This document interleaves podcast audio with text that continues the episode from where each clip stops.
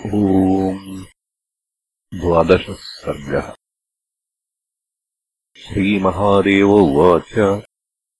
रामो विभीषणम् दृष्ट्वा हनुमन्तम् तथाङ्गदम् लक्ष्मणम् कपिराजम् च जाम्बवन्तम् तथा परान् परितुष्टेन मनसा सर्वानेवाब्रवीवचः भवताम् बाहुवीर्येण निहतो रावणो मया। कीर्तिः स्थास्यति वः पुण्या यावच्चन्द्रदिवाकरौ कीर्तयिष्यन्ति भवताम् कथाम् त्रैलो पावनीम् मयोपेताम् कलिहराम् यास्यन्ति परमाम् गतिम् एकस्मिन्नन्तरे दृष्ट्वा रावणम् पतितम् भुवि। मन्दोदरीमुखाः सर्वाः स्त्रियो रावणपालिताः। पतिता रावणः ्रे शोचन्त्यः पर्यदेवयन् विभीषण शुशूचास्तः शोकेन महतावृतः। पतितो रावणस्याग्रे बहुधा पर्यदेवयत्। रामस्तु लक्ष्मणम् प्राह बोधयस्वविभीषणम्। करोतु भातृसंस्कारम् किम् विलम्बेन मानद। स्त्रियो मन्दोदरीमुख्याः पतिता विलपन्ति च। निवारयतु ताः सर्वा राक्षसी रावणप्रियाः रामेण लक्ष्मणो गाद्विभीषणम् उवाच मृतकोपान्ते पतितम् मृतकोपमम्। शोकेन महताविष्टम् सौमित्रिरिदमब्रवीत्।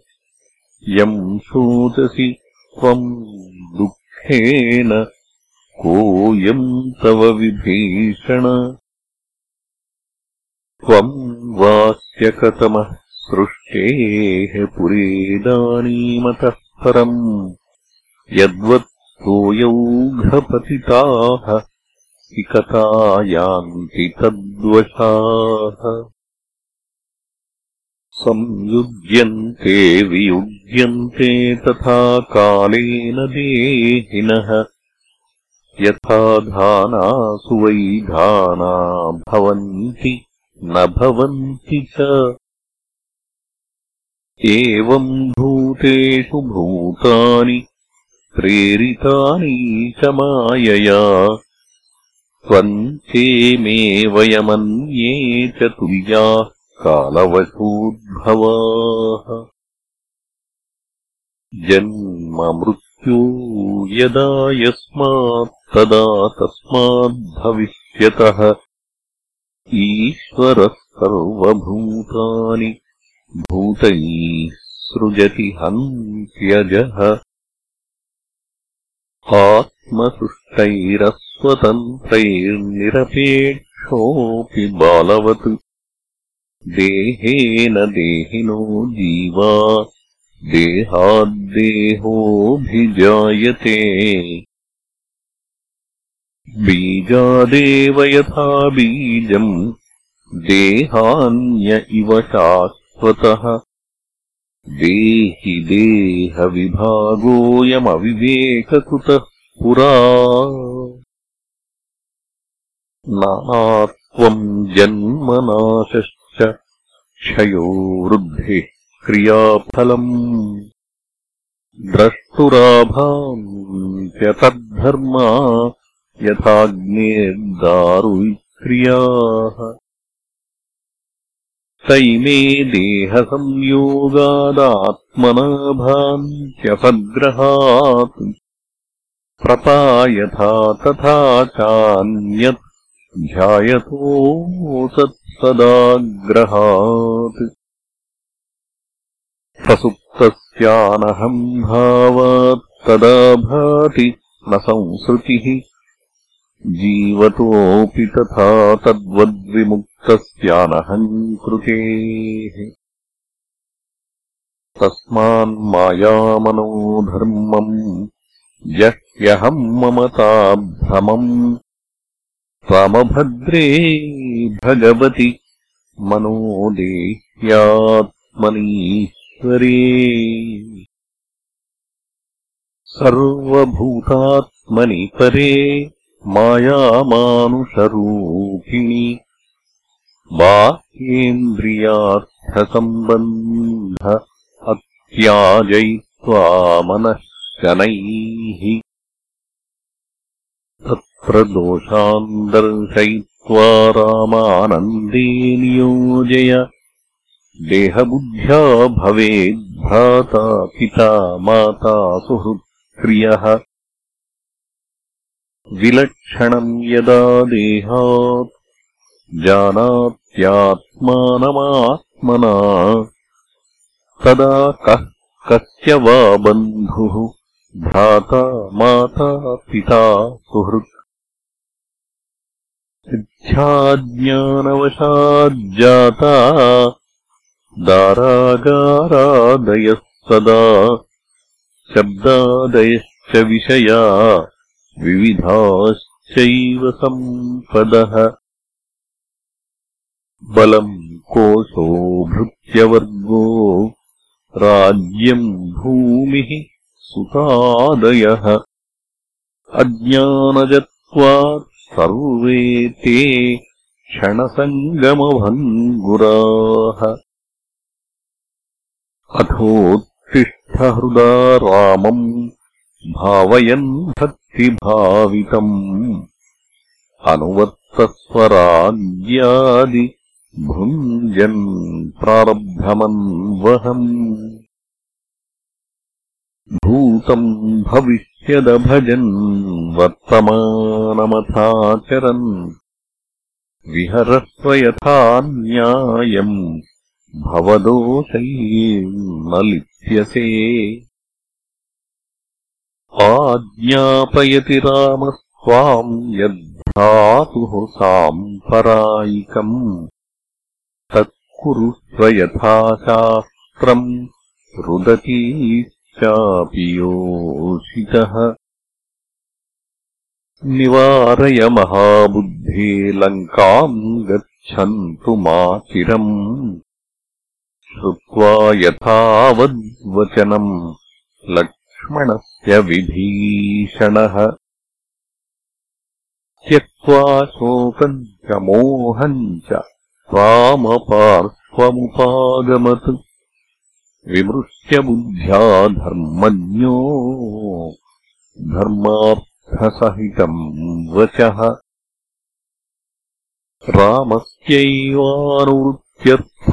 रामस्यैवानुवृत्त्यर्थमुत्तरम् पर्यभाषत। नृशम् समनृतम् क्रूरम् त्यक्तधर्मव्रतम् प्रभो। नार्होऽस्मि देवसंस्कर्तुम् परदाराभिमर्शिनम् श्रुत्वा तद्वचनम् प्रीतो रामो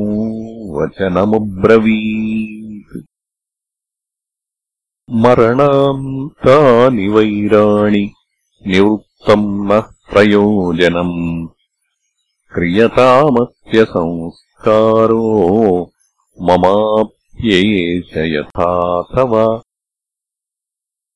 रामाज्ञाम् शिरसा धृत्वा शीघ्रमेव विभीषणः। सान्त्ववाक्यैर्महाबुद्धिम् राज्ञीम् मन्दोदरीम् तदा सान्त्वयामास धर्मात्मा धर्मबुद्धिर्विभीषणः त्वरयामास धर्मज्ञः संस्कारार्थम् स्वबान्धवान्। चित्याम् निवेश्य विधिवत् पितृमेधविधानतः आहिताग्नेर्यथा कार्यम् रावणस्य विभीषणः। तथैव सर्वमकरोद्बन्धुभिः सह मन्त्रिभिः ददौ च पावकम् तस्य विधियुक्तम् विभीषणः स्नात्वा चैवार्द्रवस्त्रेण तिलान् दर्भाभिमिश्रितान्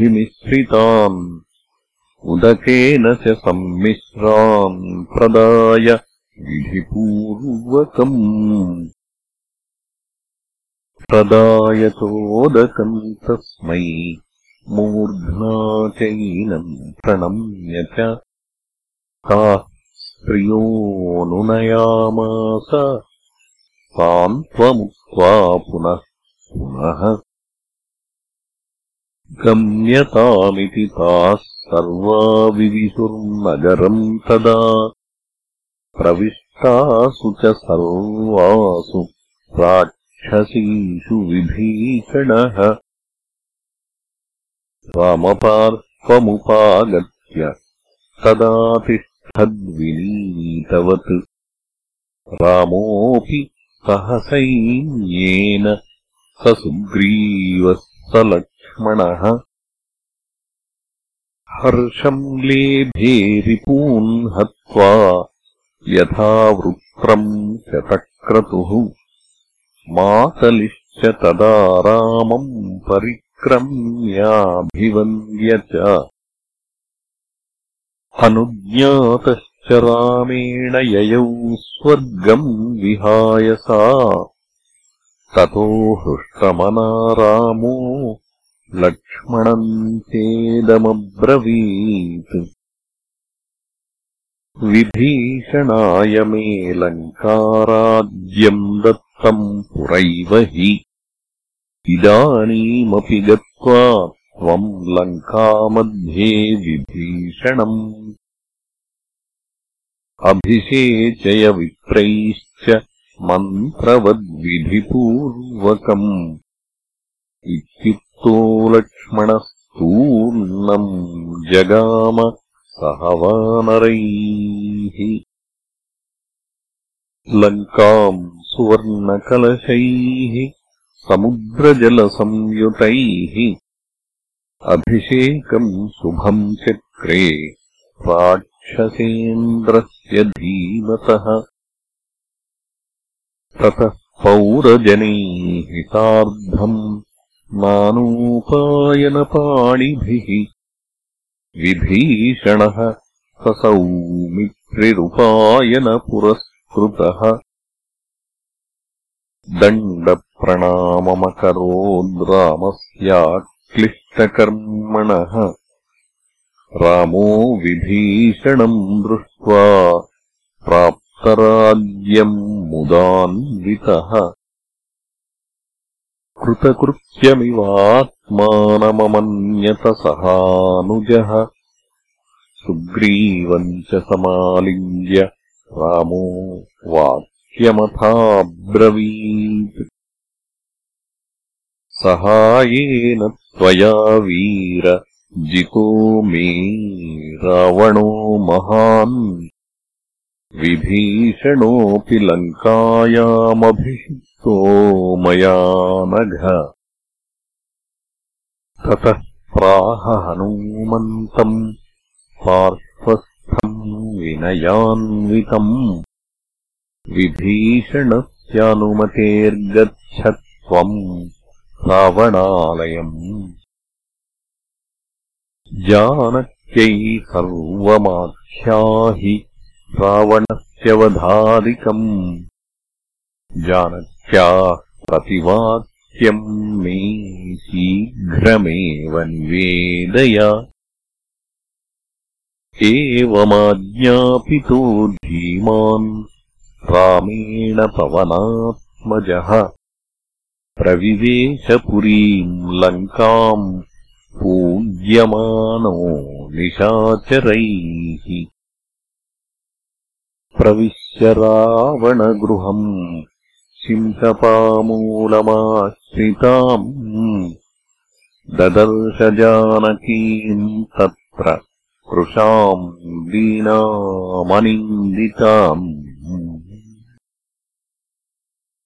राक्षसीभिः परिवृताम् ध्यायन्तीम् राममेव हि विनयावनतो भूत्वा प्रणम्य पवनात्मजः कृताञ्जलिपुतो भूत्वा प्रह्वो भक्त्याग्रतस्थितः तम् जानकी तूष्णीम् स्थित्वा पूर्वस्मृतिम् ययौ। ज्ञात्वा तम् रामदूतम् सा हर्षात् सौम्यमुखी बभौ स ताम् सौम्यमुखीम् दृष्ट्वा तस्यै पवननन्दनः। रामस्यभाषितम् सर्वमाख्यातुमुपचक्रमे